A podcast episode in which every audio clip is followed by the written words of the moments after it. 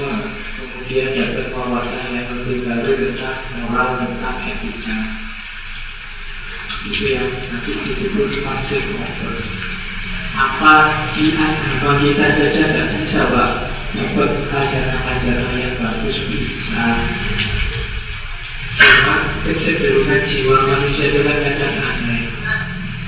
Mungkin sampai terlalu akrabnya sehingga itu tidak ngefek itu diceramai sama ustazmu karena dia itu dia baru berusaha-usaha pakai ayat pakai dalil Nah, tersentuh sama sekali karena tadi akrab kalau sudah akrab kan biasanya terus biasa. Di awal-awal kalau filsafat ini karena awal-awal kan bacanya luar biasa. Jadi jiwa kadang-kadang dengan saja itu. Persis kalau kalian pacaran mau menikah, kalau pengantin baru kan masuk itu lama-lama biasa. Maka gunanya masih over itu ya wawasan kita lebih segar. Oke, malam hari ini kita ada di Tiongkok ketemu tokoh besar dalam tradisi Taoisme. Taoisme itu adalah filsafat juga agama dari Tiongkok. Tokohnya Zhuangzi kata-kata itu Zhuangzi. Ya, kalau bahasa pakai hak itu maksudnya dari dinasti masih tetap dari era perang antar kerajaan yang minggu lalu saya ikut ada tujuh kerajaan yang saling bertolak. Nanti Juwasi ini bukunya, kitabnya. Jadi orang-orang Taoisme itu punya dua kitab pandangan Yang pertama Tao Te Ching dan yang kedua Zhuangzi Jadi dia referensi paling disandari dalam tradisi Taoisme. Makanya malam kita coba satu yang dibawa oleh Zhuangzi ada gagasan-gagasan filosofis apa yang bisa kita ambil Zhuangzi riwayat hidupnya agak susah dikenali jadi kayak Lausu cuma dia lebih nyata daripada Lausu Lausu itu malah yang bilang ini ada benar orangnya ya.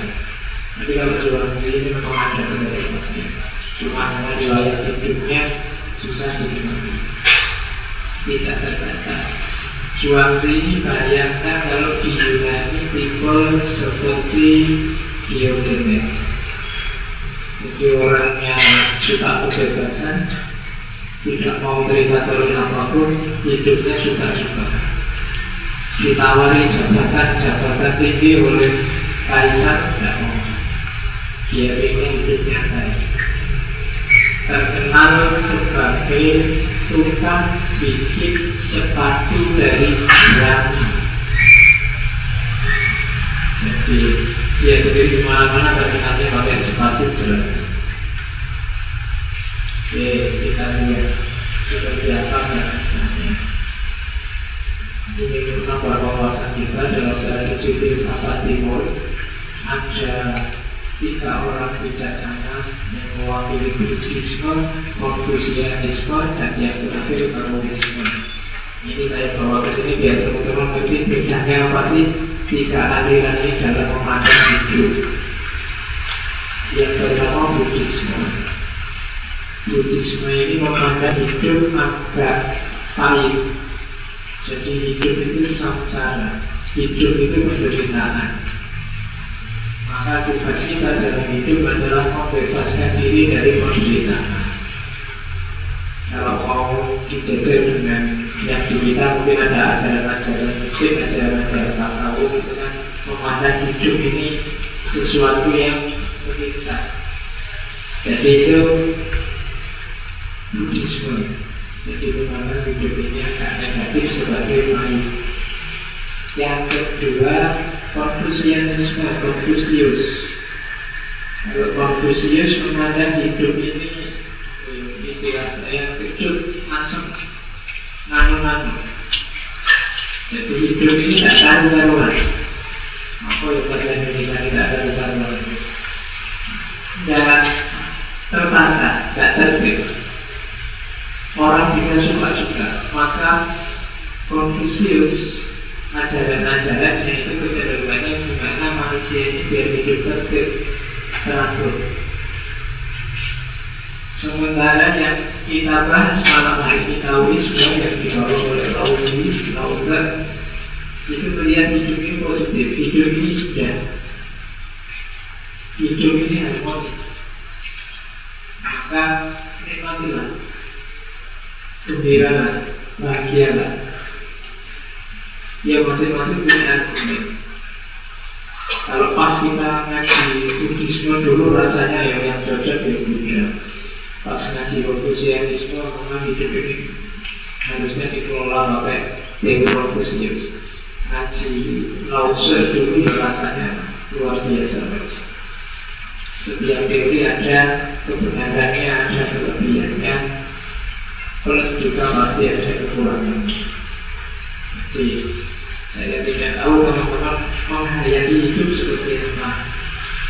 Apa hidup ini pahit satu atau tidak itu berpengaruh dengan gaya hidup. Kalau orang yang menganggap hidup ini samsara penderitaan ya mungkin wajahnya kelihatan kaku tegang cara hidupnya serba hati-hati. Biar tidak tertelan oleh kehidupan dunia.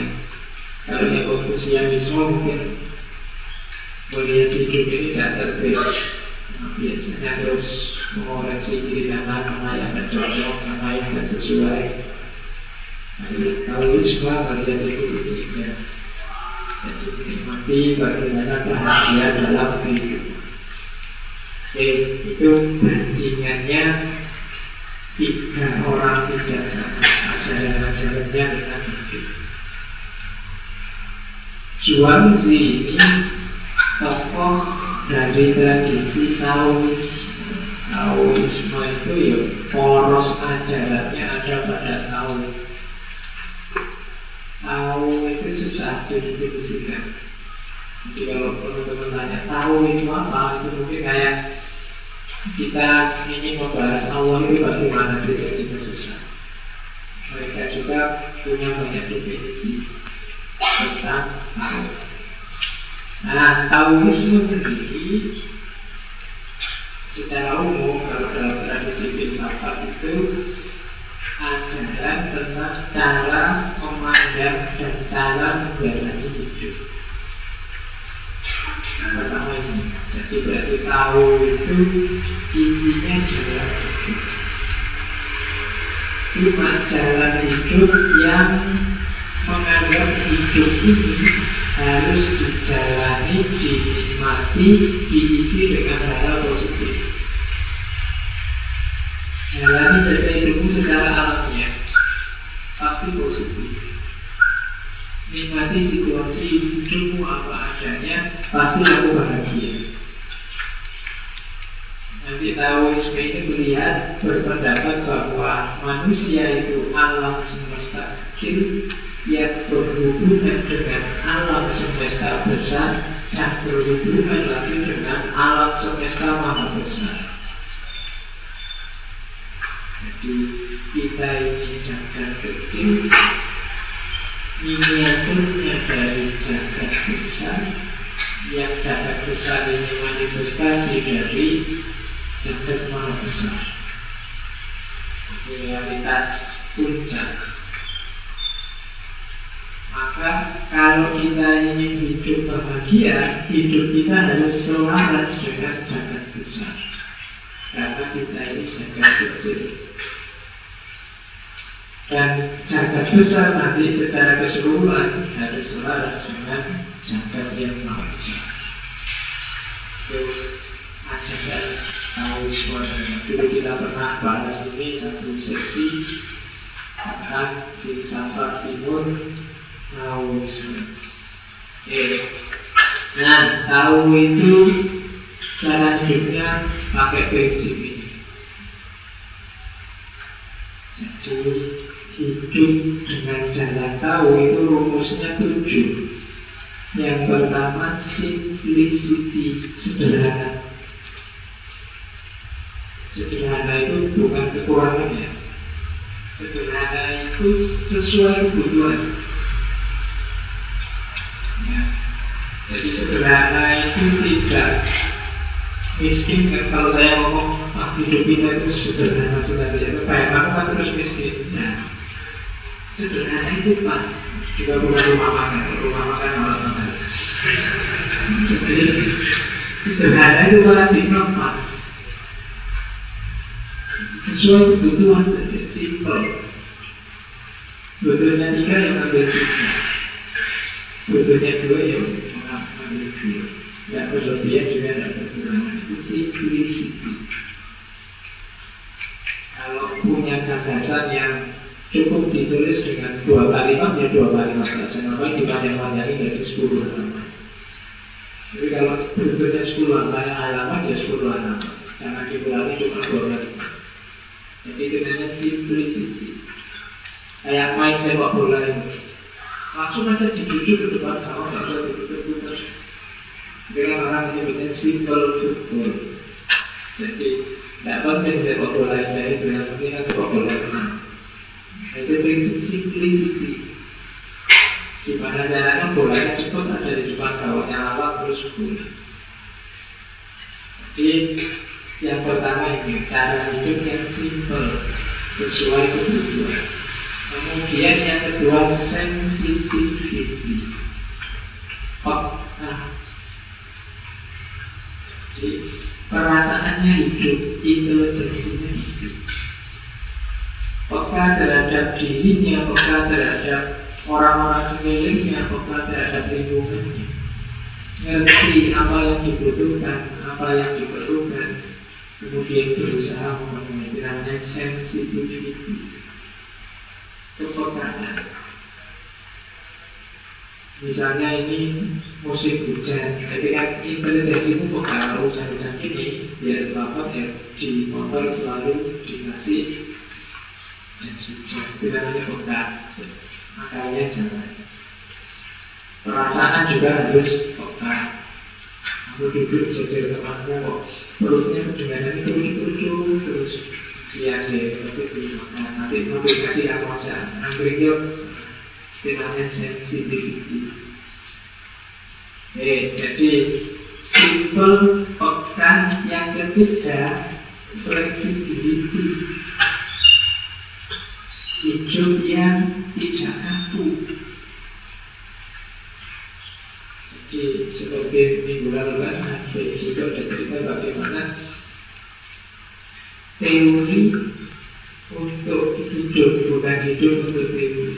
Kadang-kadang orang itu kalau hidup untuk teori akan ya, teorinya gitu ya harus ini kan. Fleksibel itu nanti situasi jadi tidak menutup mata bahwa kenyataan bisa berubah.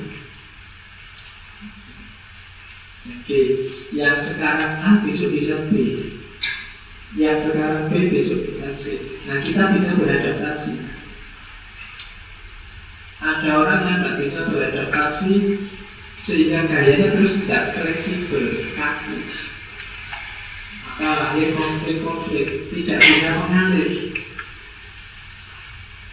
Ketika tidak bisa mengalir, alirannya buntu yang terjadi banjir. Ya kan? Maka hati-hati kita kalau kaku ya maka gampang banjir banyak masalah kita. Kita hidup kita tidak fleksibel lahir dan batin anggap sekeliling kita akhirnya juga keseimbangannya terganggu. Maka hiduplah secara fleksibel. Kemudian independen. Merdeka. Tidak ada penindasan, tidak ada penjajahan, tidak ada pengumpulan. Setiap orang bebas mengekspresikan apa yang dia inginkan. Apa yang ingin dia wujudkan. Independen. Setiap orang punya punya keinginan asal tidak melanggar norma-norma yang sudah berlaku. Itu independen. Kemudian fokus. Di fokus itu berpikirnya jelas, arahnya kelihatan nyata, fokus. Tidak sebanyak kita ini kan hidup itu sering belajar. Belajar itu lawannya fokus. Mau ke mana sih? Tidak apa sih Tapi jalan. Tapi tidak fokus. Jalan aja boleh Tapi kamu jelas. Gimana nih? Jadi harus fokus Cultivate Cultivate itu tajam Mas Tidak Jadi yang banyak hari ini di antara efeknya teknologi informasi hidup kita itu dangkal. Hari ini orang lebih fokus pada tindakan komunikasi dibandingkan makna komunikasi. Jadi aku posting maka aku ada. Kamu merasa tidak eksis sebelum kamu posting Bahkan kamu merasa tidak eksis kalau posting kamu tidak ada yang lain.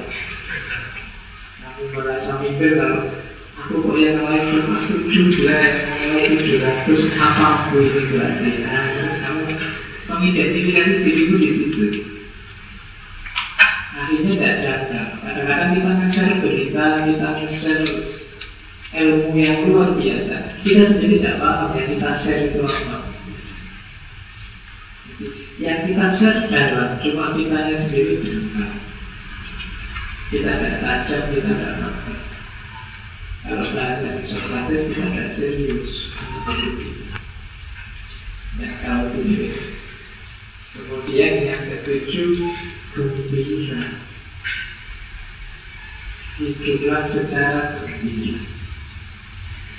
Tadi di depan saya bilang kita ini makhluk yang sudah mengeluh. Maunya tahu semua, jangan begitu gembira lah. Kalau mau jujur, yang enak-enak dalam hidup kita itu jauh lebih banyak daripada yang tidak enak. Maka kita tidak bisa hidup. Hanya saja kita tidak peduli. Biasanya yang kita pedulikan yang tidak enak-enak. Sehingga kita susah untuk gembira. Misalnya yang mulia dari 10 mata kuliah yang lain dapat A, A, A, satu ini saja dapat B. Itu yang jadi pikiran kita mesti yang satu yang E. Kita duit ada, kos-kosan, pelajar, teman baik semua, hanya satu kita bilangnya kita masih dulu. Itu kan biasanya satu yang bagi pikiran kita seolah dunia betul kita punya keistimewaan apa. Akhirnya kita tidak gembira. Dari puluhan kali bahkan ratusan kali ngaji lancar-lancar saja tiba-tiba malam ini jadi kita gembira. Jadi pikiran yang Jadi akhirnya kita tidak gembira. Jadi kita sendiri yang mencari alasan untuk tidak gembira. Padahal ada sangat banyak alasan yang bisa membuat kita gembira. Maka hayatilah hidup dengan gembira.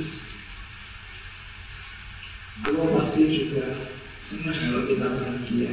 Allah tidak pengen kita susah. Ya, jadi ini prinsip-prinsip Hidup yang diajarkan dalam Taoisme Hiduplah yang simpel-simpel saja Tapi yang sensitif Fleksibel Independen Fokus, mantap, dan gembira ini semuanya urusan gaya hidup Kalau kita bisa mewujudkan gaya hidup ini Ya nanti hidup kita akan bahagia Ini dasarnya Taoisme yang nanti disampaikan antara lain oleh Suwasi. Oke, kita mulai sekarang konsep-konsepnya Suwasi. Sebelum kita masuk untuk dapat acara, Suwasi mengajarkan bukalah dirimu, jangan sempit. Kalau kamu sempit nanti kebaikan, hikmah, ajaran apa pun tidak bisa masuk. Di situ beliau menganalogikan dengan cerita kata di dalam sumur. Seekor kata di sumur tidak dapat membahas samudera sebab ia terbatasi oleh ukuran sumur. Serangga musim panas tidak dapat membahas es karena ia hanya tahu musimnya. Kalau pas musim es dia tidak ada sudah mati, adanya hanya di musim panas. Pikiran ilmuwan yang sempit tidak dapat membahas tahu sebab ia terbatasi oleh ajaran-ajarannya. Jadi pertama-tama sebelum belajar bukalah dirimu. Sebenarnya belajar apa saja. Jangan terpenjara oleh duniamu selama ini. Kata itu kalau hanya hidup dalam sumur dan ya dia tidak akan bisa melihat luasnya samudera. Maka cara pertama belajar itu membuka diri. Ya kalau tidak ya ilmunya tidak masuk. Kalau kamu tertutup kan ilmu apa yang bisa masuk? Tidak ada bisa. Maka bukalah diri. Jadi kalau sudah Baru ayo kita atasi keterbatasan Kita lihat dunia yang luas Sekarang engkau telah keluar dari lembahmu Dan melihat lautan luas Engkau mengenal kelemahanmu Maka sekarang saatnya Membahas prinsip-prinsip besar bersama. Jadi syaratnya Bukalah dirimu Dan sadarilah kekuatanmu Baru kamu bisa berkembang kalau orang tidak membuka dirinya, ilmu tidak masuk. Kalau orang tidak melihat kekurangannya, ilmu masuk, tapi mungkin mental, karena dia merasa sudah benar. Kalau orang merasa sudah benar itu kan sudah tidak bisa ditambahi lagi. Jadi biarkan dirimu terbuka dan sadari bahwa kamu manusia yang punya kelemahan-kelemahan baru bisa belajar. Jadi jangan seperti kata di dalam sumur. Cuma mungkin kalau di Indonesia kan bukan kata dalam sumur, malah kata dalam sumur lebih sulit lagi. Jadi duniamu hanya sebatas itu kalau kamu nggak membuka dirimu, bukalah dirimu. Setuju tidak setuju nanti, kamu ambil atau tidak nanti, tapi buka dulu. Siapa tahu ada pandangan, ada wawasan, ada pengetahuan yang lebih baik. Kalau kamu berhenti di situ, ya kamu tahu hanya semua. Keluar dari sumur, kamu akan melihat samudera. Jadi kalau sudah membuka dirimu, kalau sudah sadar akan kelemahan-kelemahanmu, sekarang saatnya kita belajar. Saatnya memang. Jadi Suwansi menurut kita yang pertama-tama ini setiap peradaban punya kearifan sendiri, modelnya macam-macam, tapi hampir semua peradaban tidak ada yang anti sama elemen. Jadi makanya triknya macam-macam tapi arahnya sama. Oke. Terus ajaran pertama dari Juwangsi Juwangsi ini dikenal ajarannya yang pertama tentang kebebasan Yang kedua tentang perspektif Makanya ajarannya boleh disebut perspektivisme. Kebebasan yang pertama itu ada cerita yang luar biasa anekdot ketika Juwangsi ditawari jadi apa kalau ini perdana menterinya. Raja Chu Wei Jadi dia ingin mengangkat Juwangsi jadi pejabat Terus dia mengirim utusan, mengirim emas, permata banyak sekali untuk merayu Juwangsi Suatu jawab Emas dan permata sangat benar. Jabatan kehormatan Tapi tahukah Tuhan Sapi kurban pada saat persembahan Sapi-sapi ini sebelum disembelih Dijadikan kurban Dipelihara dengan istimewa Diberi pakaian dan pakan yang berisi Tempat yang nyaman tetapi akhirnya dibawa ke kuil untuk disembelih. Kalau sudah dibawa ke kuil untuk disembelih, sapi-sapi itu walaupun menjadi babi juga tidak bisa menyesal juga sudah terlambat. Ini sih pilihannya seperti ya jabatannya nanti nyaman, dikasih permata jadi bayarnya enak. Tapi ini bayarnya saya kayak sapi kurban. Sapi kurban itu kan sebelum disembelih kan dikasih makan enak, di oh, disayang-sayang. Cuma pada saatnya dia akan. Kalau sudah masuk penjagalan, sudah mau disebeli, sudah tak bisa mundur lagi sudah.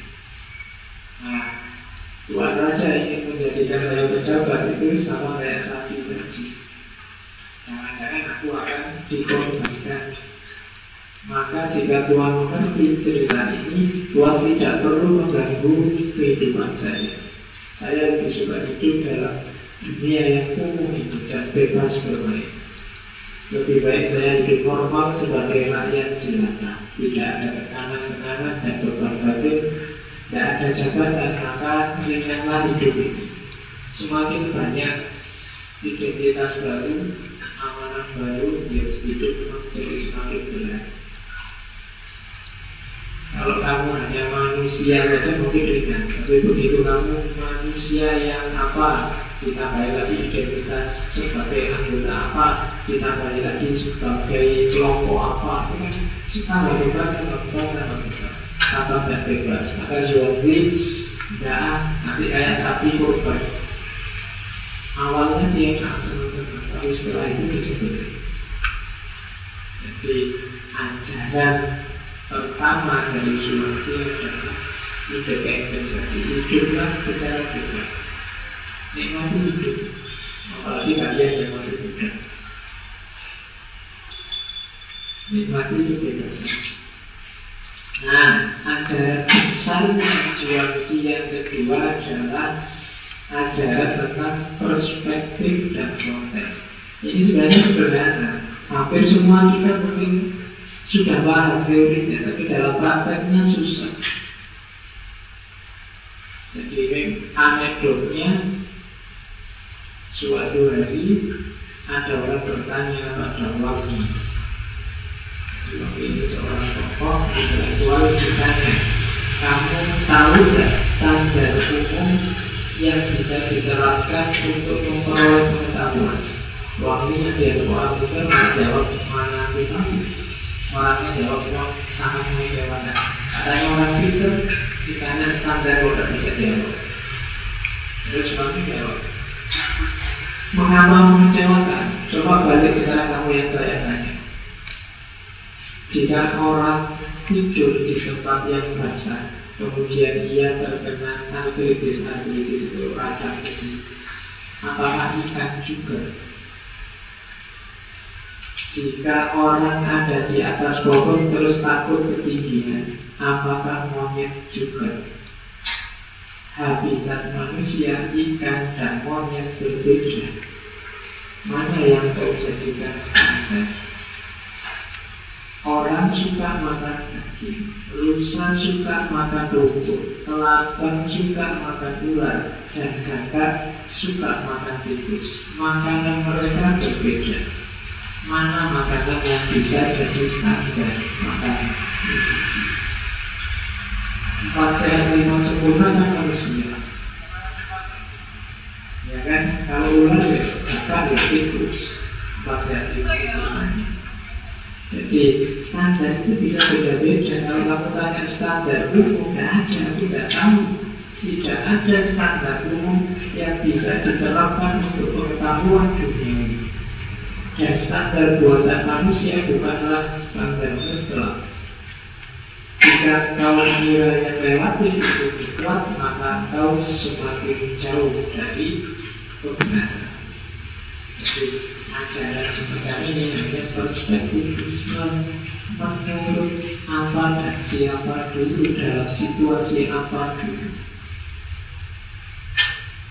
Ngaji itu baik tuh Pak Ya tapi kalau kamu sedang sakit Ya nggak usah dipaksa ngaji Nah akhirnya terus jadi jelek Itu perspektif Menikah itu baik loh Cuma bahkan enggak Situasi tertentu bahkan haram nikah itu kalau kamu nikah padahal kamu psikopat yang saat kedua adalah membunuh pasanganmu misalnya haram menikah.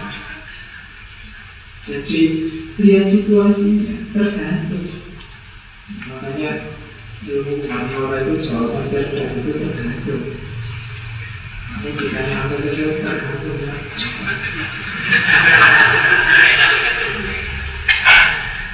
Ingat lagi.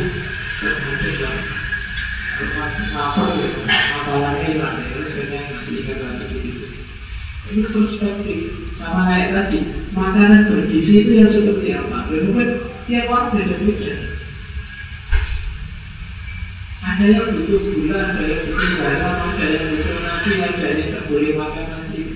Ada yang standar Jadi dalam segala hal lihatlah perspektif dan konteksnya. Kadang-kadang kebaikan itu kalau konteksnya salah Dia jadi rusak baiknya Meraktir teman Itu kebaikan Tapi kalau meraktirnya Jam tiga subuh Sampai teriak-teriak Bangunnya tetangga satu kampung Kemudian Temanmu sedang tidur Kamu seret-seret ke akhirnya Dan jadi kebaikan jadi lihat perspektif sama konteksnya. Makanya waktu tadi ditanya standar-standar kebenaran umum untuk manusia itu seperti apa? Tidak ada kalau kebenaran yang umum untuk semua manusia. Segalanya ada perspektifnya, ada konteksnya. yang baik buat teman kita A mungkin tidak cocok buat teman kita B. Teman ini agak santai orangnya, mudah berburu, yang ini serius, sensitif, mudah baper. Begitu kan kita perlakunya harus beda. Kalau disamakan nanti bisa saja. Sama yang cengengan-cengengan kamu serius, cuma ditawarin aja. Sementara sama yang baper kamu jenengan-jenengan saya hilang teman. Jadi harus pas menerapkannya. Saya sering memberi ilustrasi dengan masih ada yang baik-baik itu juga harus lihat konteks sama perspektifnya. Kalau kamu saatnya berjuang yang jangan dinasihati, malah segalanya sudah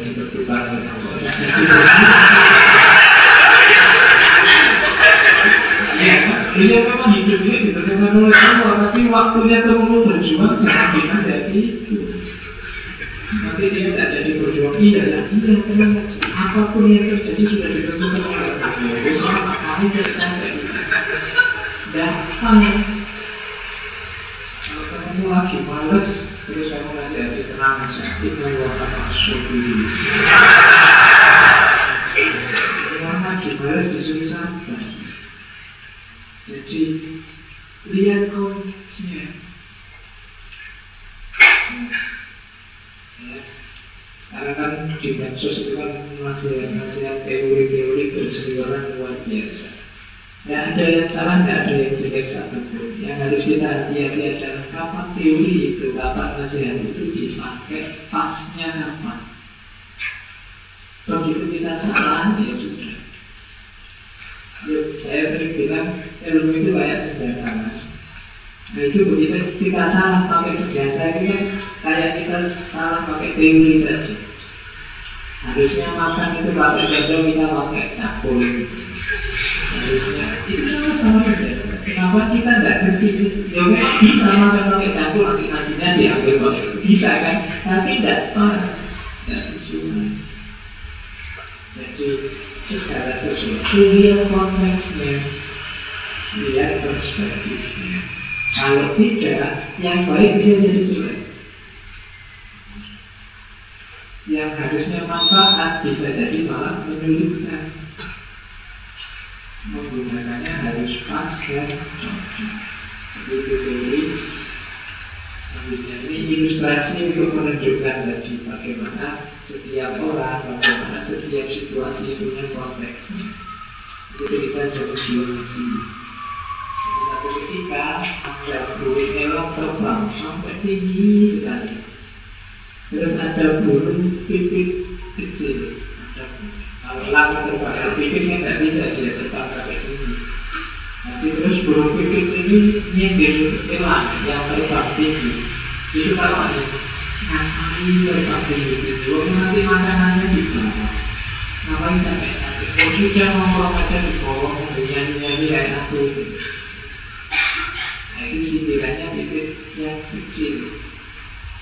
Nah katanya juga sih pipit ini tidak ngerti bahwa Elang punya konteks hidupnya sendiri. Dia juga tidak salah nyanyi-nyanyi di atas Mungkin elang juga kalau tidak tidak memahami kehidupannya pipit Dia juga menertawakan kehidupannya pipit kecil.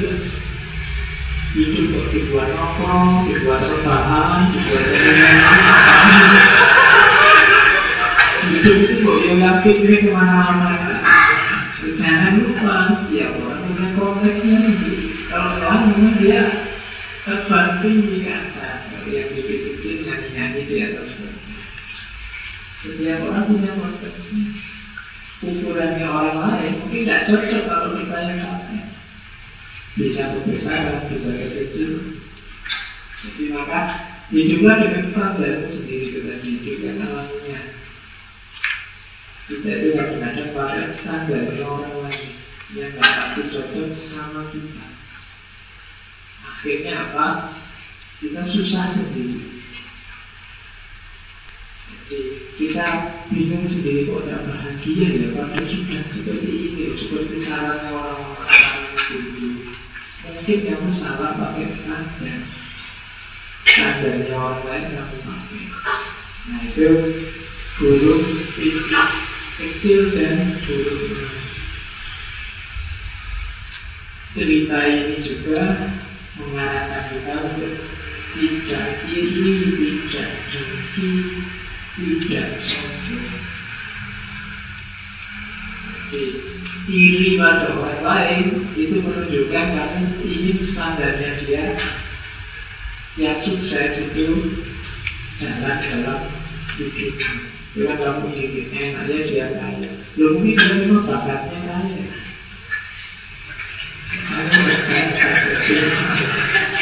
Kadang-kadang kaya itu kan ya untuk bakat gitu. Misalnya beli arloji mahal-mahal mahal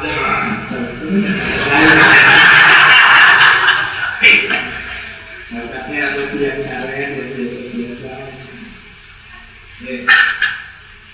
Aku tidak pantas kadang-kadang kita beli tangannya tidak pantas Kenapa standarnya beda Jadi Jangan iri, jangan dengki, jangan sombong Setiap orang punya konteksnya, punya perspektifnya sendiri-sendiri Enak itu jadi presiden tinggal pada mereka Yang di atas juga begitu Enak yang jadi rakyat tinggal diatur, dienakkan Itu masih demo juga Standarnya beda-beda Kalau setiap orang membuka yang lain Dia tidak akan bahagia Makanya seperti minggu lalu dalam Konfusianisme di masuk ajarannya ada namanya reification of name. Reification of name itu orang itu hiduplah sesuai namamu masing-masing, sesuai identitasmu masing-masing. Yang mahasiswa yang berperilaku seperti mahasiswa, yang ustaz berperilaku seperti ustaz, yang dosen berperilaku seperti dosen, yang menteri berperilaku seperti menteri. Kalau tidak, dunia ini rusak, kacau balau. Yang menteri berperilaku seperti pedagang, yang pedagang berperilaku seperti menteri, yang mahasiswa kalian kayak dosen, yang dosen kalian kayak rektor. Rusak, tidak reification setiap orang jalanlah sesuai posisimu masing-masing, sesuai namamu. Makanya kalau di Jawa itu ada istilah angkutan jeneng. Angkutan jeneng itu keberatan nama. Ingatasi. Kita orang kecil coba pakai nama terlalu berat, akhirnya apa? Anaknya ini sakit-sakitan terus. Dibawa ke mana-mana tidak sebut-sebut Ternyata solusinya apa? Ganti nama Begitu namanya budaya Jawa ada yang semacam tidak, bakatnya terlalu besar Untuk hidup konteks hidupnya Eh, ya coba kamu teliti itu logika Kalau hidupmu kok susah, coba juga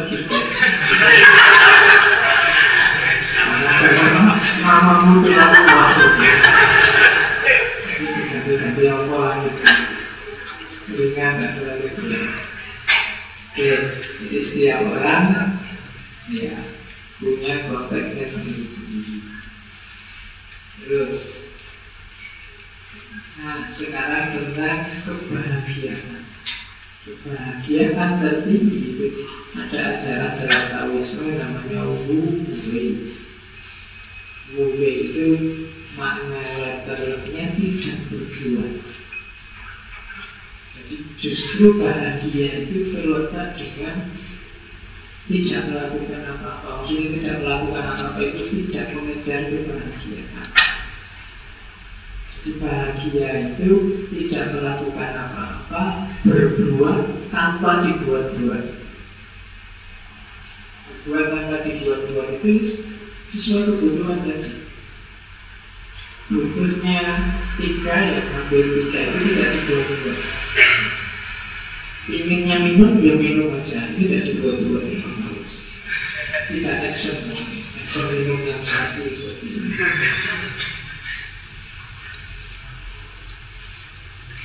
Jadi berbuat yang tidak dibuat-buat Kakinya capek, ini selonjor ya selonjor, tak apa-apa Agak ngantuk, ingin tidur ya Tidur tidak dibuat-buat alami. Nah, alami sumber kebahagiaan. Coba kalau lawan itu dengan ngantuk sih sebenarnya, tapi waktu malu sama yang kamu bertahan dan satu-satu akhirnya malu. Sepuluh sepuluh nggak sadar kalau kan nyenggol kanan nyenggol kiri malah malu kenapa? Kamu melawan kodrat alamnya. Harusnya ngantuk ya tidur selesai. Nggak apa-apa, kasihnya belum selesai. Ya nggak apa-apa, pakai sebulan tidur atau ngantuk ke belakang jangan tidur. Nggak masalah. Itu tidak dibuat-buat. Nah enak ya tidak enak Ngajinya tidak enak Malah ini memangnya tidak jadi saya rumah saya Turun aja tidak Mungkin tidak ada yang mewajibkan Biasanya ambil Tidak masalah Kalau kamu buat-buat Saya harus bertahan Ya Rasa itu tidak boleh siksa Tapi kalau Ya sebenarnya tidak penting juga. Siapa tahu nanti lama-lama yang penting. Kamu cemburu besok cemburu. Yang. Ya maksudmu. Ya, jadi tidak semua maunya juga tidak dibuat-buat. Bersikap yang wajar. Tidak terlalu besar hasrat, terlalu besar hasrat itu biasanya nanti jadi wajar atau memendam hasrat itu juga nanti tidak wajar. Tradisi psikoanalisis yang memendam hasrat itu jangan dikira hilang, tapi dia terpendam. Jadi tidak berlebihan juga tidak kekurangan sewajarnya manusia. Jadi di situlah justru letaknya kebahagiaan. Dengan kamu luwe tidak dibuat-buat juga tidak semua maunya hidupmu dan tegang. Tegang itu kan karena kamu ingin apa kamu lakukan atau sebenarnya kamu tidak menginginkan itu kamu kerjakan itu juga membuat hidupmu tegang. Jadi akhirnya apa? Kamu kalau luwe ya hidupmu jadi kacau apa kamu tidak bahagia energimu dihembur-hemburkan atau energimu tidak terpakai kamu tidak kamu mau berkeinginan tidak berani atau seharusnya tidak kamu inginkan kamu inginkan itu juga membuat hidup kita hancur Loh yang alami-alami itu seperti apa Pak? Bro? Itu gunanya kamu membaca ke dalam Sadari batasmu Sadari sejauh mana kemampuanmu, kapasitasmu. Sekarang semester berapa? Semester satu Pak. Terus selanjutnya ke depan mau gimana? Ya kalau bisa 2024 saya presiden gitu. Itu Semester suci itu pun kamu blokir gara-gara IPK rendah. Jadi jadi presiden 2024 dan yang batasmu Itu sumbernya Bahkan cita-cita setinggi lagi boleh-boleh Cuma yang alamnya Ya gak jadi sumber ketidakbahagiaan Pokoknya saya harus dapat pasangan laki-laki sekampus Kemudian dapat pekerjaan yang hasilnya paling besar dapat terus terus kamu akhirnya kan stres sendiri Kamu aku Kamu menginginkan sesuatu tidak mengukur dirimu. Makanya dari Taoisme disarankan kebahagiaan itu justru ada pada wujud Tidak berbeda. Termasuk tidak berbeda itu apa?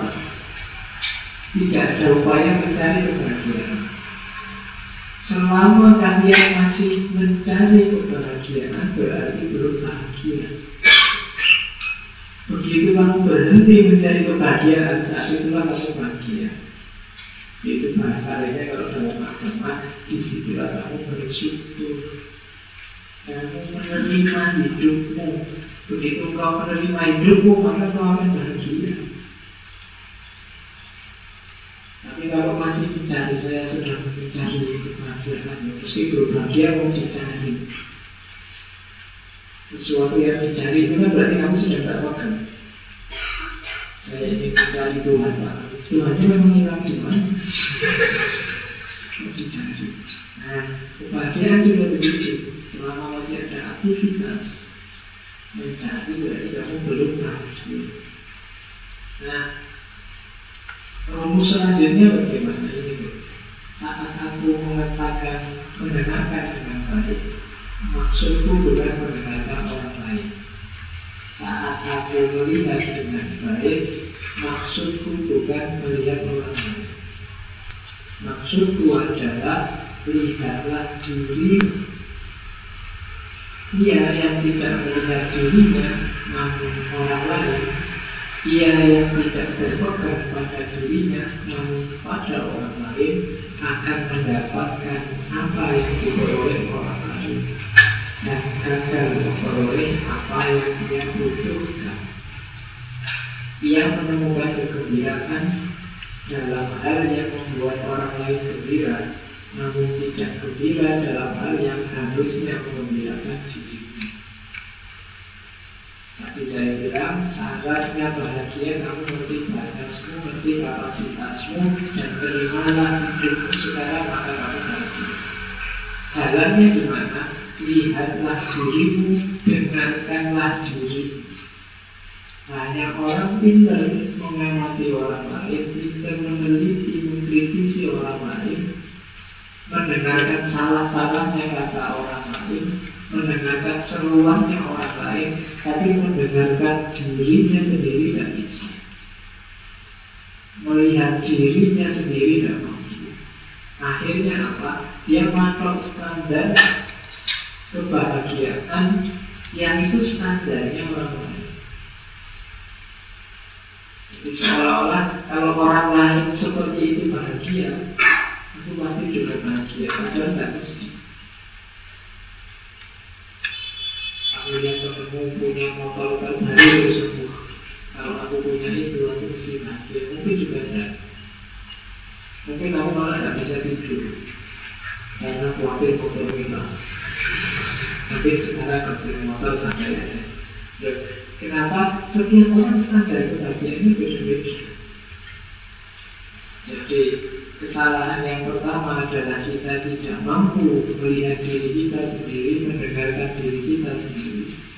Sehingga kesadaran kita itu bukan kesadaran tentang diri kita, tapi sebenarnya kesadarannya orang lain yang kita pinjam. Akhirnya kita hidup dengan standar yang lain.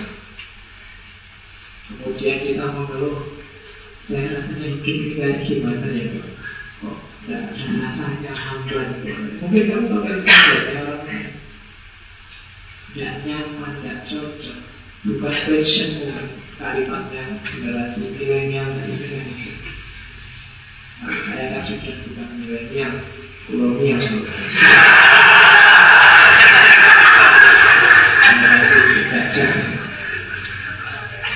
Oke, jadi fokusnya bahagia kalimatnya. Juwasi mengalirlah bersama apa pun yang terjadi Biarkan pikiranmu bebas Tetaplah fokus dan terima apa pun yang kau kerjakan. Inilah yang paling mudah. Itu ada beberapa isu yang, yang pertama mengalirlah. Jangan jadi orang yang tidak tahu situasi Hiduplah sekarang dan di sini Ada orang yang hidupnya sekarang tapi pikirannya sekian nomor yang lalu Ada orang yang adanya di sini tapi seolah-olah dia bukan orang sini cara hidupnya orang sana. Itu berarti apa? Dia bisa mengalir. Pasti terjadi ketegangan-ketegangan. Mengalir. Katanya Sunan Kalijogo kan Amlaras ini kamu Nyeri anaknya orang Mengalirlah tapi ya jangan ikut arus terus tenggelam jadi mengalir bersama apa yang terjadi Tapi tetap biarkan pikiranmu bebas Berarti apa? Ya mandiri tetap sebagai diri mengalir tapi tidak kehilangan identitas, tidak kehilangan jati diri, masih tetap jadi diri kita sendiri. Jadi kuncinya bahagia itu kita hidup sekarang dan di sini mengalir dengan lingkungan sekeliling kita, harmonis dengan alam sekeliling kita. Kita juga mandiri, bebas, dan yang ketiga kita menerima apa yang terjadi. Terimalah situasi. Terimalah kenyataan hidup Menerima itu bukan berarti terus tidak berjuang. Berjuanglah, nanti hasilnya terima. Berusaha lah, hasilnya terima. Jadi pahami mana wilayah yang kita berjuang Mana yang wilayah kita terima. Mana wilayah kita ikhtiar Mana wilayah kita tawakal. Maka kita akan bahagia Inilah puncaknya rumus hidup bahagia. Jadi ikut lingkungan sekeliling kita, ikut mengalir, tidak kuper, tidak pudek. Nanti hidup ngerti situasi hari ini, meskipun tetap mandiri. Kita tidak ditelan oleh arus. Kalau bahasanya Heidegger kita ada manusia yang otentik. Kehadiran kita mewarnai harmoni lingkungan sendiri Karena kita juga ingin berdua Dan menerima apa pun yang terjadi Jadi rumus bahagia menurut Zuwati Hidup yang alami harmonis dengan lingkungan sekeliling dan merdeka.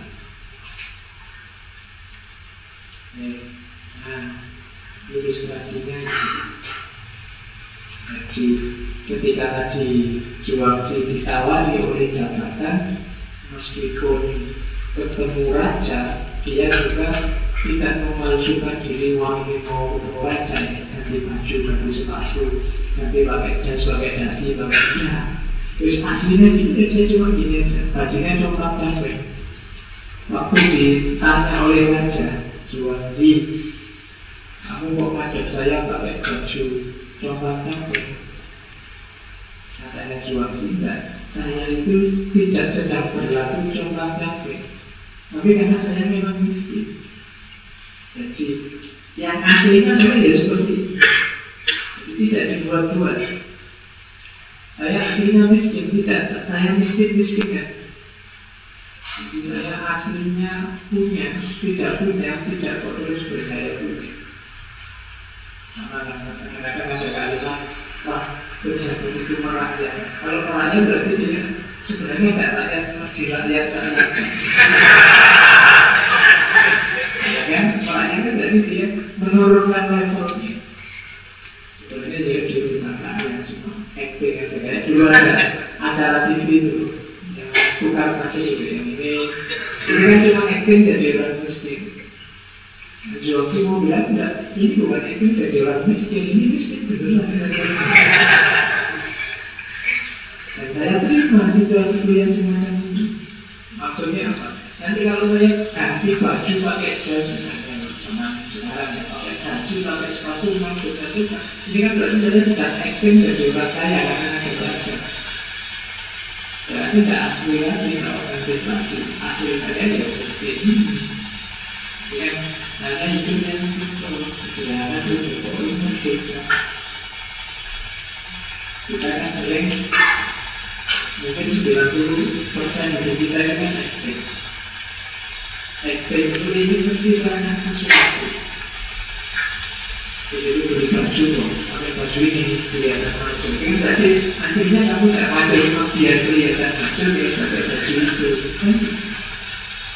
biar kelihatan soleh. Nah itu menunjukkan bahwa jadi kamu tidak soleh, perlu hubungan baju itu biar kelihatan soleh. Itu namanya hidup yang ekstrim, tidak asli. Bukan berarti kamu tidak boleh pakai baju ini, pakai baju itu, tapi apa pun yang kamu lakukan, ikuti suara hati. Itulah alam ketuntutan jiwa. Bukan karena ingin mencitrakan sesuatu atau ingin mencitrakan sesuatu. Jadi selain tadi bahagia, kebebasan, hiduplah secara aman. Jangan acting. Nah, kamu kalau senyum manis loh, akhirnya orang-orang disenyum-senyum. Nah itu namanya acting. Malah tidak jadi manis memang waktunya senyum, senyum aja. Kalau tidak senyum, ya sudah tidak senyum. Biasa saja. Itu ajaran dari suami. Dia bilang kerajaan, ya saya itu bukan sedang acting jadi orang miskin terus biar dikasihani sedang acting domang capek dan aslinya saya kayak gini dan saya tidak acting kayak gini biar dikasihani bukan jadi ini memang sejatinya begini sama lah misalnya dalam sejarah Islam kan banyak kamu misalnya Semakin Khattab itu waktu menaklukkan mana bikin jalan sendiri pakai otaknya. Itu kan pasti bukan acting Biasanya memang begitu. Tidak karena acting biar kelihatan ini orang ini luar biasa. Aslinya memang begitu. Dan dia tidak merasa sedang dibuat-buat yang semacam Yes, yes. Ini ada anekdot Wasi-wasi ini yang biasanya teman diskusinya. Banyak cerita tentang Juwasi dan Wasi Jadi cerita tentang berguna dan tidak berguna selanjutnya ekstrim tadi. Juwasi suatu ketika berkata pada Juwasi Saya tahu ada sebuah pohon raksasa bernama Ju Matanya berliku-liku dan cabangnya begitu berliku sehingga sangat besar tidak bisa diukur dengan meter. Pohon ini ada di pinggir jalan, tidak ada tukang kayu yang melihatnya. Ini sebenarnya mau ini jual sih. Kata-katamu seperti pohon itu besar tapi tidak praktis. Siapa yang akan mempercayai? Jadi diskusinya wajib. Nanti kalau kamu besar itu ya, padahal kamu yang miskin gunanya apa kata-kata manfaatnya mau kamu sendiri ya kayak itu hidupnya. Nah suami jawab karena pohon ini tidak berguna orang tidak akan datang dan menebangnya maka tidak perlu khawatir. Pohon besar selamat dari kapak karena tak berguna bagi pohon itu sendiri kegunaan dari ketidakbergunaan itu adalah keuntungan.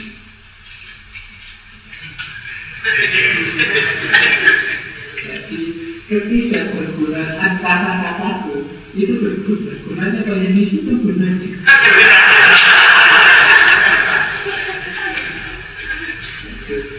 Kayak pohon tadi, justru pohon mengatakan dia bahwa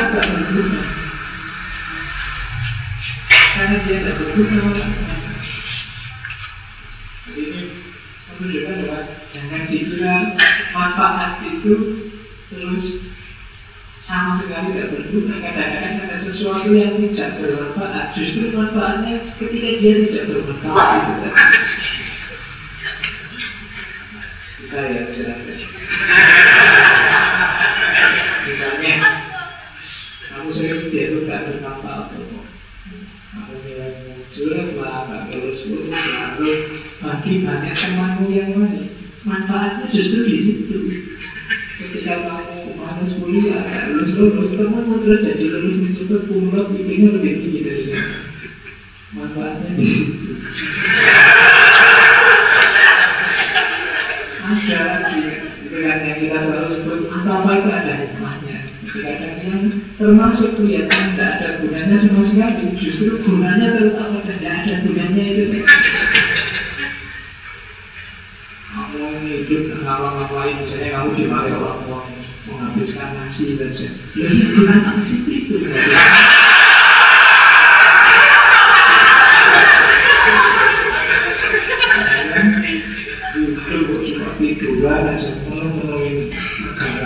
itu benar mana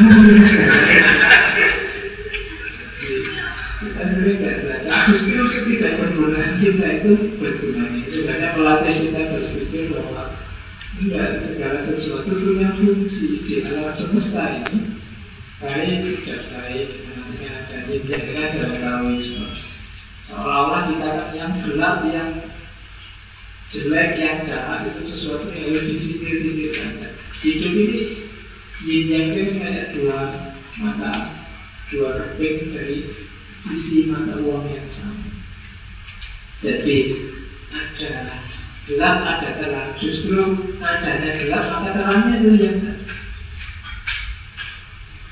kalau terang semua gelap tidak ada gunanya kalau gelap semua terang tidak ada gunanya dua-dua jadi berguna tidak berguna itu ya seperti dua sisi dari mata uang yang sama. Ketidakbergunaan seseorang sesuatu itu sebenarnya dari itu ada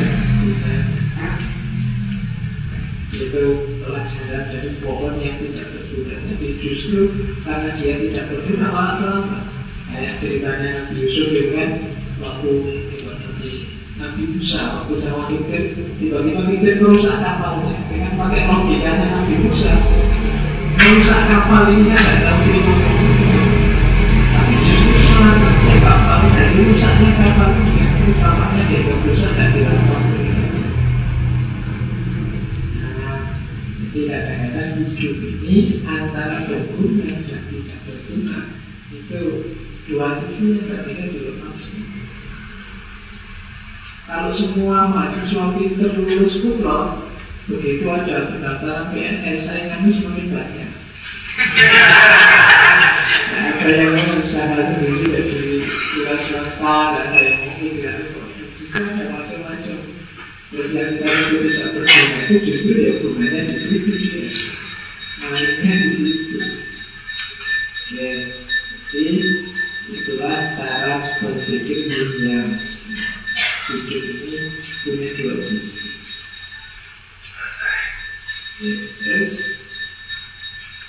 Ini ajaran selanjutnya tentang jalan dan tujuan antara bungkus dengan isi biar kita tidak terjebak oleh bungkus mana. Kalau bahasa namanya mana wasilah mana goya. Jebakan ikan ada karena ikan. Begitu engkau mendapat ikan engkau dapat melupakan jebakannya jebakan kelinci ada karena kelinci begitu engkau mendapatkan kelinci engkau dapat melupakan jebakannya Kata-kata ada karena makna. Begitu engkau sudah dapat makna Engkau bisa tidak peduli lagi dengan makna Di mana aku dapat bertemu orang yang telah melupakan kata-kata Sehingga aku dapat bicara dengan orang yang melupakan kata-kata itu yang sudah makna hanya orang yang lebih sibuk dengan jebakan ikannya Meskipun dia sudah dapat ikan Atau tidak dapat ikan Karena dalam hidupnya sibuknya dengan jebakan Sibuk dengan kata-kata Sibuk dengan bungkus Melupakan esensi. Coba perhatikan ya diskusi-diskusi hari ini Di Twitter, di medsos, di Facebook, di Instagram Itu banyak membahas jebakan ikan atau ikannya. Lebih sibuk dengan makna dengan kata-kata? Isi atau bungkus? Hal-hal yang esensial atau sebenarnya itu aksiden Aksiden Bukan komponen utama Dalam mikir kita sering terjebak di sini. Kita berhenti di bungkusnya Melupakan isinya kita berhenti di kata-kata melupakan maknanya. Jadi kita kayak tadi bahasa kita namanya apa? Kedangkalan. Jadi kita ini dangkal. Kita tidak dapat makna dan kita hanya sibuk dengan kata-kata saja. Kita tiap hari main jebakan ikan. Kita tidak peduli dapat ikan apa enggak. Apa pun yang kita miliki, ideologi, cara berpikir, macam-macam ini kan sebenarnya alat semua. untuk mencapai apa yang kita sebut misalnya kebenaran, yang kita sebut kebaikan, yang kita sebut keindahan. Ini kan ikannya. Tapi kita lebih sibuk membahas alatnya, media daripada hasil. Itu makanya nasihatnya suami coba deh perhatikan. Saya ingin ketemu orang yang sudah melupakan kata-kata. Berarti orang yang sudah kalau bahasa sudah mengerti hakikat, sudah ketemu esensi, sehingga fokus tidak berbeda. Kapan orang bisa melupakan kata-kata, menemukan makna ketika dia sudah jalan? Dari mana jalan itu muncul? Fight is made by working on it. Jalan berbaca atau rekod. Dari mana jalan itu muncul? Jalan itu muncul ketika kita sudah berjalan di atasnya. Banyak orang lebih sibuk membahas jalan, tapi dia tidak mau jalan. Berarti itu bukan jalan Kalau disebut jalan itu ketika orang meniti di atasnya. Kalau dia tidak jalan Berarti itu sebenarnya bukan jalan. Makanya orang Jawa punya ada gium Ilmu itu melakukannya nanti laku. Kalau kamu sudah laku, sudah jalan Itu benar sudah toleko Tapi kalau kamu belum jalan, dia belum toleko namanya jalan ketika sudah dipakai berjalan meskipun mulus aspalan tapi tidak dipakai untuk jalan. Dia, bukan jalan dia cuma mungkin bidang datar saja tapi bukan jalan jalan. Itu dipakai berjalan meskipun tidak ada aspalnya hanya tanah banyak rumputnya terus kita lewati tiap hari maka dia jadi jalan yang namanya jalan itu lahir ketika kita berjalan di atasnya. Maka itu ismi dari walking Kita sedang berjalan mencari ilmu berarti apa? Harus ada lampunya. Hari ini banyak orang diskusi sibuk tentang jalan tapi dia sendiri tidak pernah jalan diskusi tentang keutamaan, diskusi tentang macam-macam ya, mulia-mulia yang baik-baik yang tidak-tidak. Tapi dia sendiri tidak jalan ya berarti tidak gunanya. Jalan itu berguna ketika dia dipakai untuk berjalan. Empat, Ismail baik, working Ngaji ini dia jalan. Kalau kalian tidak mewujudkannya dalam waktu yang kalian berbaik-baik berarti ya, kalau bahasa ini ya cuma wacana. Kalau cuma wacana dia bukan jalan tidak ada dia harus jadi jalan.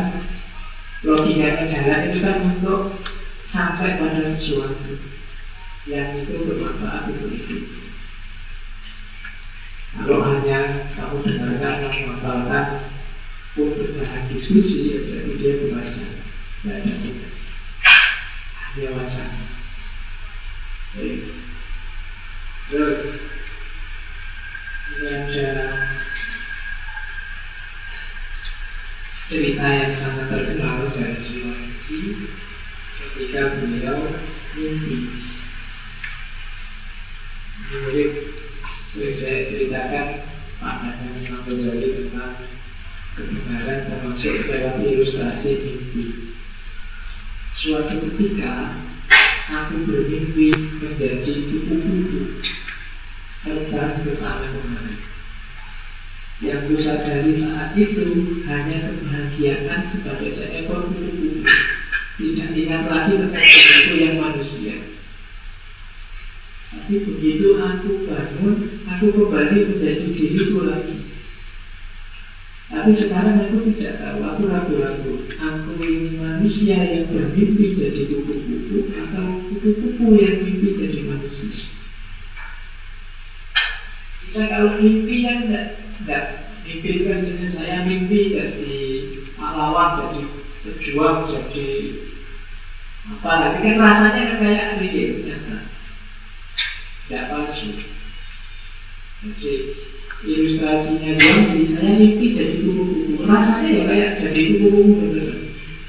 Tidak ingat seperti pas jadi manusia. Tapi terus aku kamu. Tapi ini aku ragu-ragu sekarang.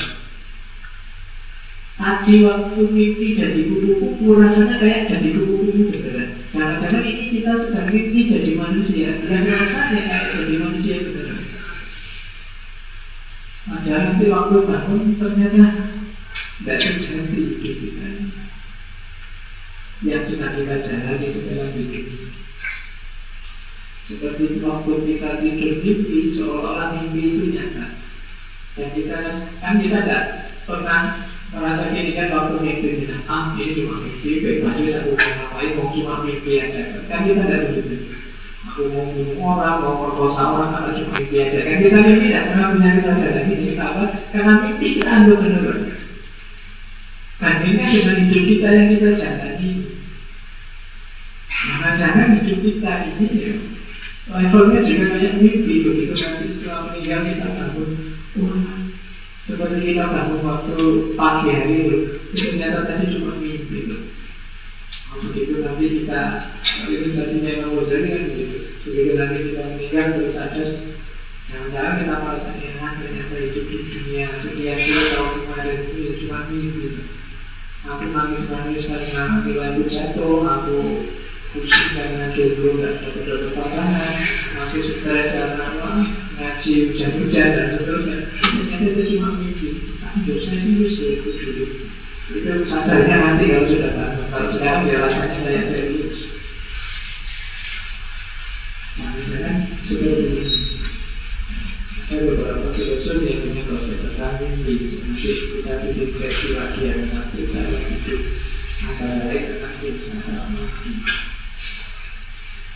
mimpi nanti banyak filosof yang memanfaatkan mimpi untuk memahami manusia. Kalau psikologi ada psikoanalisis misalnya itu mimpi juga dipakai untuk menjelaskan situasi psikis seseorang. Ini dari Juangsi juga begitu. Kita baru sadar tentang mimpi kalau kita bangun. Hanya dalam kondisi sadar kita tahu bahwa kita telah bermimpi maka hanya dalam kesadaran yang besar kita akan tahu bahwa hidup ini adalah mimpi yang besar. Makanya katanya Al-Quran kan nama ayat itu lahu itu Yes. Engkau melupakan kakimu saat sepatumu nyaman engkau melupakan tinggal saat sabukmu nyaman. Pemahaman membuatmu lupa salah dan benar karena pikiran merasa nyaman. Engkau hanya akan mengalami kenyamanan dan tidak akan mengalami ketidaknyamanan kalau engkau memahami bahwa kenyamanan itu terletak dalam melupakan ketidaknyamanan. Coba kamu baca diulang dua tiga kali Nanti kamu akan ngerti maksudnya Kalau kamu pakai sepatu Dan sepatumu cocok Itu kan sudah nggak kamu mikir lagi Kakimu, sepatumu Karena sudah nyaman, sudah beres Kamu tidak gelisah lagi Tapi kalau sepatumu terlalu kecil atau terlalu besar Itu kan kamu gelisah Kalau terus mikir sepatu Kalau boleh kamu mikir kakimu Sampai sabuk juga begitu, mungkin sabuknya terlalu besar, yang melotot terus kamu perhatian sama pinggangmu terus, ini jangan sampai ini kalau pas banyak orang lihat jatuh, kalau apa di soal. Kenapa kalau sudah cocok terus kamu kan tidak peduli lagi Kamu kan sudah nanti tidak pikir tentang sarungmu, tentang celanamu Karena kamu yakin dia sudah nyaman, sudah Jadi Hidup kita sebenarnya di sini. Kalau kamu kenapa orang ada gelisah, ada tidak gelisah? Karena kenyamanan tadi. Ada ketidaknyamanan, ada kenyamanan. Kalau sepatumu terlalu besar, kamu merasa tidak nyaman. Kalau cocok, kamu merasa nyaman. Sebenarnya problemnya ada rasa nyaman dan rasa tidak nyaman. Hidup kita kalau kamu ingin enak terus, nyaman terus, solusinya gampang. Buang saja ketidaknyamanan. Sudah selesai. Kalau kamu tidak kenal yang namanya ketidaknyamanan, hidupmu hanya tersisa kenyamanan. Karena kamu selama ini banyak sekali konsep tidak nyamannya, ya hidupmu jadi tidak nyaman. Kamu kok nyaman-nyaman saja nilaimu satu Oh biasa pak, nilai satu bisa diulang lagi Kamu tidak kenal yang namanya tidak nyaman Hidupmu lebih bahagia Kamu kok saja Ini hidupmu sudah menit selama habis malah jurusi besok Kamu tidak kenal konsep tidak nyaman Maka hidupmu bahagia Selama ini yang membuatmu galau kan sebenarnya pikiranmu Sebenarnya sepatumu kekecilan sedikit itu tidak masalah, kamu masih bisa jalan lah. Tapi karena kamu galau, pikiranmu selalu memikirkan sepatumu, akhirnya ya, lahirnya tidak nyaman. Maka katanya Suwansi bahwa engkau hanya akan mengalami kenyamanan terus, tidak akan mengalami ketidaknyamanan. Kalau engkau memahami bahwa Kenyamanan itu kuncinya cuma satu Yaitu lupakan ketidaknyamanan. Atau hidup rasa nyaman Hidupku hanya bahagia saja Tidak ada tidak bahagia ya Semuanya bahagia Pak Nah kok ini kalau ini tidak tercapai Tidak Pak itu bukan ketidakbahagiaan menurut saya Hanya belum tercapai saja tapi bukan alasan untuk tidak bahagia. Jadi hidup saya itu antara bahagia dan bahagia dan bahagia. Tidak ada tidak bahagia. Maka hidupmu akan bahagia karena kamu tidak ada konsep tidak bahagia. Pak, kalau tehnya manis, saya bahagia. Kalau tehnya tidak terlalu manis, saya tidak bahagia. Kan kamu sendiri yang yang bikin rumus ada tidak bahagia. Tapi kalau rumus semuanya bahagia dan bahagia ya ada. Kalau tehnya manis saya bahagia. Kalau agak pahit, agak pahit itu saya bahagia. Yang penting gausnya ya. Tidak mungkin cukup. Kalau saya lulus tepat waktu saya bahagia. Kalau tidak tepat waktu ya tetap bahagia yang penting lulus. Kalau tidak lulus tetap bahagia. Waktunya tidak segalanya.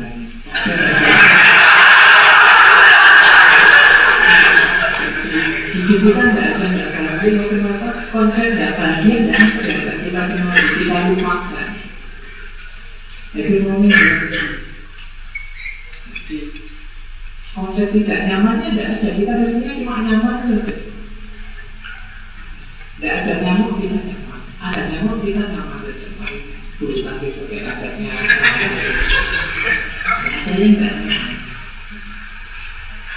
Jadi hidup yang bahagia adalah hidup yang tidak kenal konsep tidak bahagia.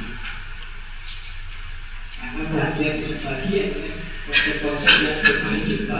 Kita sendiri yang bikin standar-standar.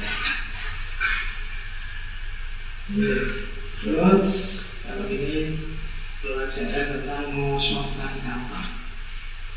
Suwasi memberi ilustrasi saat seseorang menyeberangi sungai dan sebuah sampan kosong menabrak perahunya, bahkan meskipun dia seorang pemarah, dia tidak akan marah.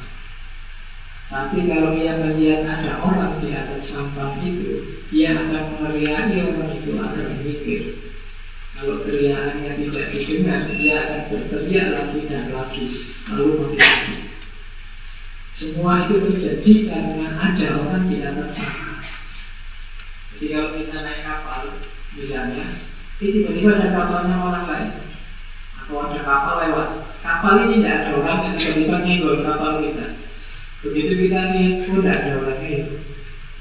Kita kan tidak teriak-teriak, tidak maki-maki. Tapi begitu lihat dua ada orang, ya kan kamu terus kamu maki-maki orang yang atas kapal itu.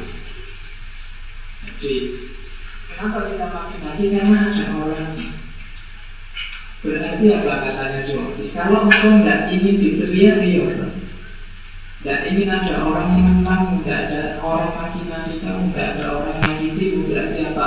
Kosongkan kapal. Kosongkan kapal itu berarti? Hindari banyak kepemilikan. Hindari konsep-konsep yang tidak memiliki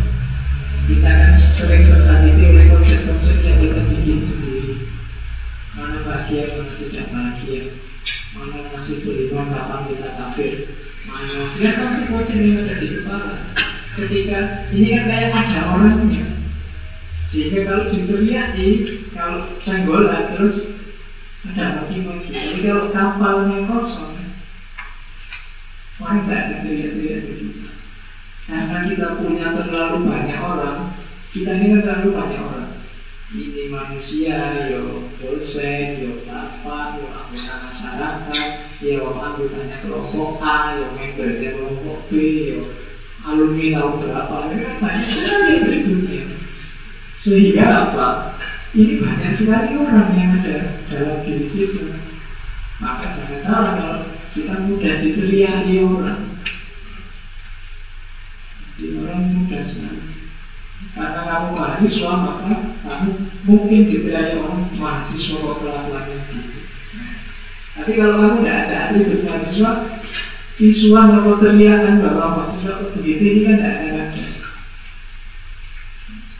karena kamu sebagai kakak maka orang mungkin akan memarahimu kakak kok tidak kamu Tapi coba konsep kakaknya tidak diikutkan dalam hidupmu ya tidak sesuatu. Jadi lagi-lagi mengosongkan kapal itu mengosongkan konsep-konsep, mengosongkan standar-standar yang memungkinkan orang memilih kita.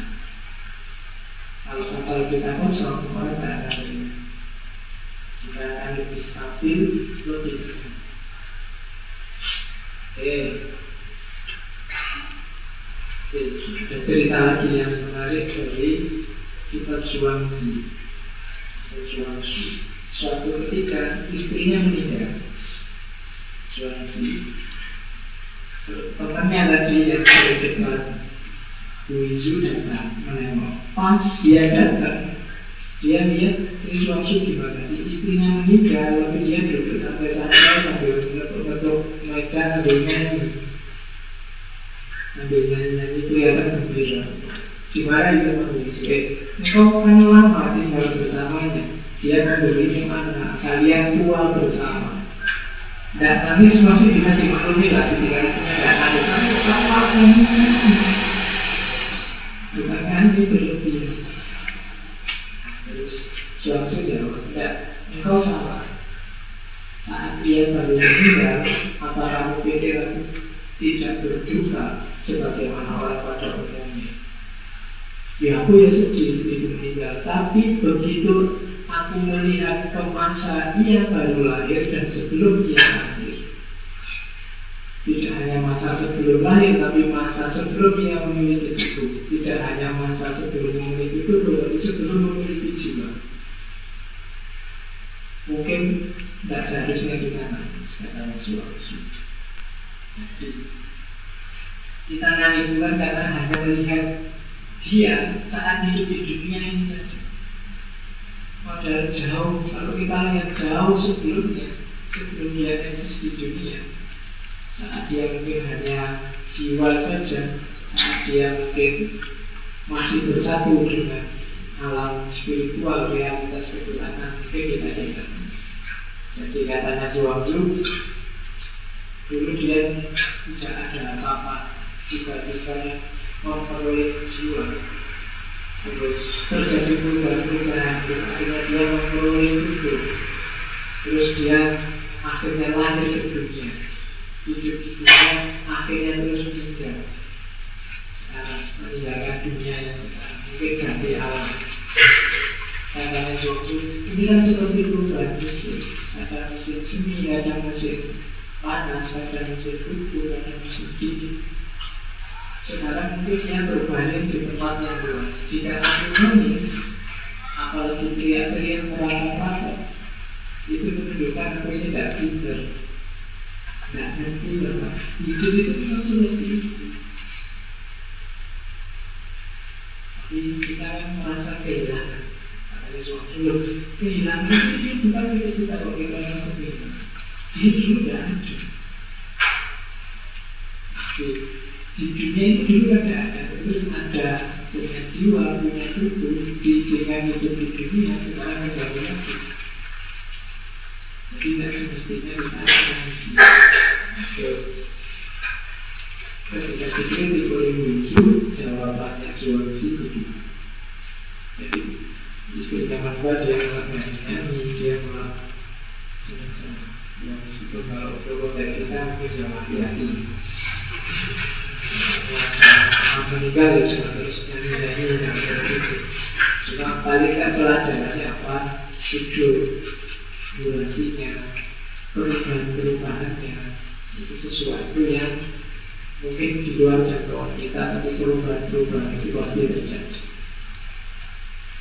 jadi kematian itu kan kepastian kebenaran satu-satunya kebenaran yang pasti itu kan kebenaran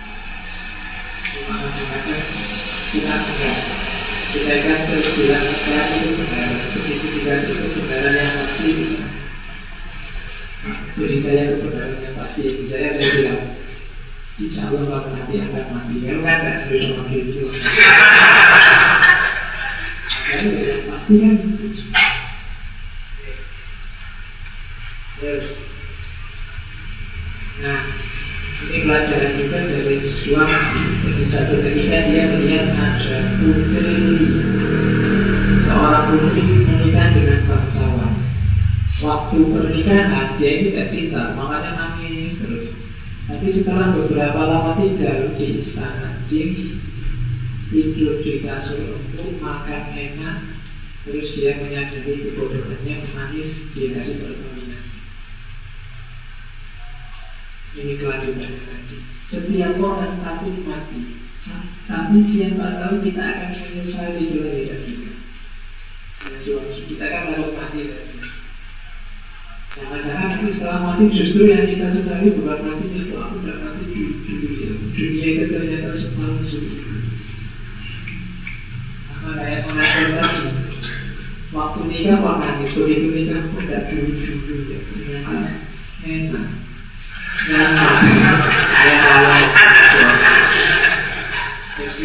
Setiap orang takut mati Tapi siapa tahu kita akan menyesali kelahiran kita Setiap orang takut perubahan Tapi siapa tahu perubahan itu membuat kita bahagia Setiap orang takut karena melakukan kesalahan Tapi siapa tahu kalau kita minta maaf Kita lebih Setiap orang takut kebebasannya diambil. Tapi siapa tahu kalau kita korbankan sedikit kebebasan kita, kita lebih bahagia.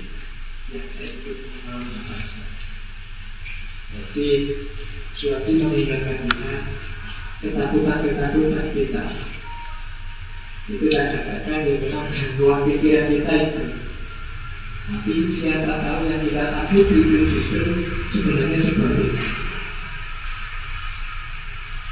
Terus, ini cerita tentang ada seorang laki-laki yang merasa terganggu melihat bayangannya sendiri dan merasa tidak nyaman dengan jejak kaki. Ia bertekad untuk bebas. Jadi ada orang yang fobia terhadap bayangannya sendiri dan jejak kakinya sendiri. Akhirnya apa? Dia saya harus bebas dari bayanganku dan dari jejak kakiku. Yang dia lakukan apa? Lari. Cuma kemudian dia lari semakin dia lari jejaknya juga tetap Ke mana pun bayangannya juga tetap ada. Namanya lari kan yang jejak Begitu dia lari jejaknya ada. Bayangannya ada. Begitu dia sadar kok masih ada? Berarti lari kurang cepat. Lari lagi lebih cepat. Sampai akhirnya ya dia mati kecapean Padahal katanya suatu Dia gagal menyadari bahwa sebenarnya gampang kalau ini bayang-bayangmu hilang, kamu cari bangunan yang tidak kena sinar matahari kan selesai. Bayangannya nanti hilang. Kalau ingin jejak kakimu hilang, gampang. Tidak usah lagi, ini sudah tidak ada jejak kaki.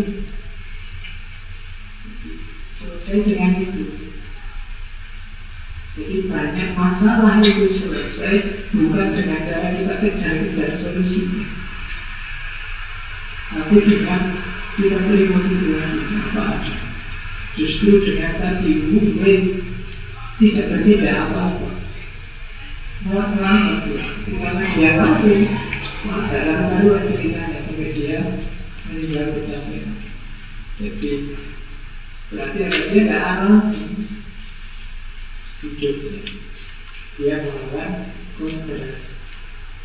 Jadi cerita ini untuk mengkritik orang yang mengejar kebahagiaan, mengejar keinginan jauh di luar alam terlalu besar hasrat yang tidak namanya. Kalau ini, ini ceritanya Suwasi yang dikutip oleh Martin Heidegger. Jadi Suwasi itu kalau di antara lain diterjemahkan oleh Martin Buber. Bukunya kubur ini nanti dikutip oleh Heidegger Karena punya konsep besar juga dalam tradisi filsafat barat Nanti ini kamu pikir sendiri maksudnya. Yang ngerti filsafatnya Heidegger bisa menangkap maksudnya Suwarsi Jadi suatu ketika Suwarsi ngobrol sama temannya tadi Wisu Apa kau tahu bagaimana ikan muncul ke permukaan dan kemudian berenang berkeliling saat dia menjilat. Itulah momen yang paling disukai oleh ikan. Ketika dia meloncat-loncat di permukaannya kolam sambil muter-muter kolam Tapi berarti dia sedang gembira Terus dibaca oleh Winju Engkau kan bukan ikan. Gimana engkau tahu bahwa ikan itu gembira atau tidak tidak Itu yang disukai ikan atau tidak Terus waktu jawab Loh, engkau kan juga bukan aku Bagaimana engkau tahu aku tidak tahu apa yang disukai oleh? Ini pertanyaan eksistensial. Kalau kamu pikirkan kira-kira rahasianya di mana cerita? Ya, itu bukan adalah eksistensi sesuatu. Oke, masih ada quotes ini bagi yang hidupnya susah Rasanya sampai yang Ya Ada buat bagus. Hanya ketika kepompong merasa bahwa dunianya sudah kiamat Ia akhirnya menjadi begitu Jadi ada kesulitan-kesulitan itu hanya menyusahkan Bisa jadi dia akan membuatnya terlahir jadi orang yang sama sekali baru hanya ketika kepompong merasa bahwa dunianya sudah kiamat, ia menjadi begitu. Kalau ini imbalan dan hukuman adalah bentuk pendidikan yang paling rendah. Ini pendidikan yang tanpa kesadaran harus diacak-acak Kalau bikin makalah, ya nilai saya naikkan, kalau tidak saya turunkan. Nah itu level pendidikan yang paling rendah harus pakai ancaman dan imbalan. Oke, masih ada, masih ada. Hidupmu ada batasnya. Kalau ini agak antitesis dari kita yang kemarin cari-cari rumus banyak-banyaknya. Kalau suatu punya rumus sendiri. Hidupmu ada batasnya, tapi pengetahuan tak ada batasnya. Kalau engkau menggunakan apa yang terbatas untuk mengejar apa yang terbatas maka hidupmu dalam bahaya berarti apa? Mencari ilmu pun ya kalau bahasa kita cari yang relevan cari yang bermanfaat hari ini kan kita kebanjiran informasi macam-macam karena kita pegang HP ada internet kita bisa googling apa saja banyak pengetahuan sia-sia, tidak ada gunanya. Karena hanya merusak hidup kita. Maka jangan lupa kita ini terbatas. Dunia pengetahuan tidak terbatas. Kalau kita tidak pintar menyeleksi, kalau kita tidak pintar memfilter, maka hidup kita akan dalam bahaya. Jadi, terbatas? Kalau kita bercita-cita saya ingin pilih jalannya, maka kita sedang berhenti ketahuilah batasmu sendiri yang mencari ilmu memang utama tapi itu pun sesuai batas-batas kita kekuatan kita kapasitas kita sebagai manusia karena kalau tidak maka Sedikit kita bisa melakukan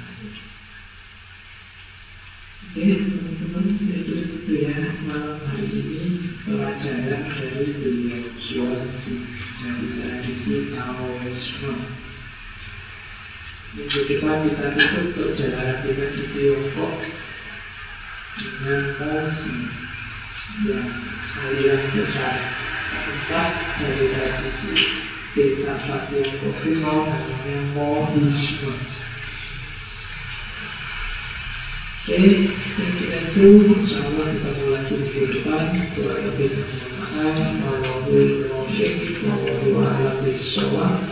Wassalamualaikum warahmatullahi wabarakatuh.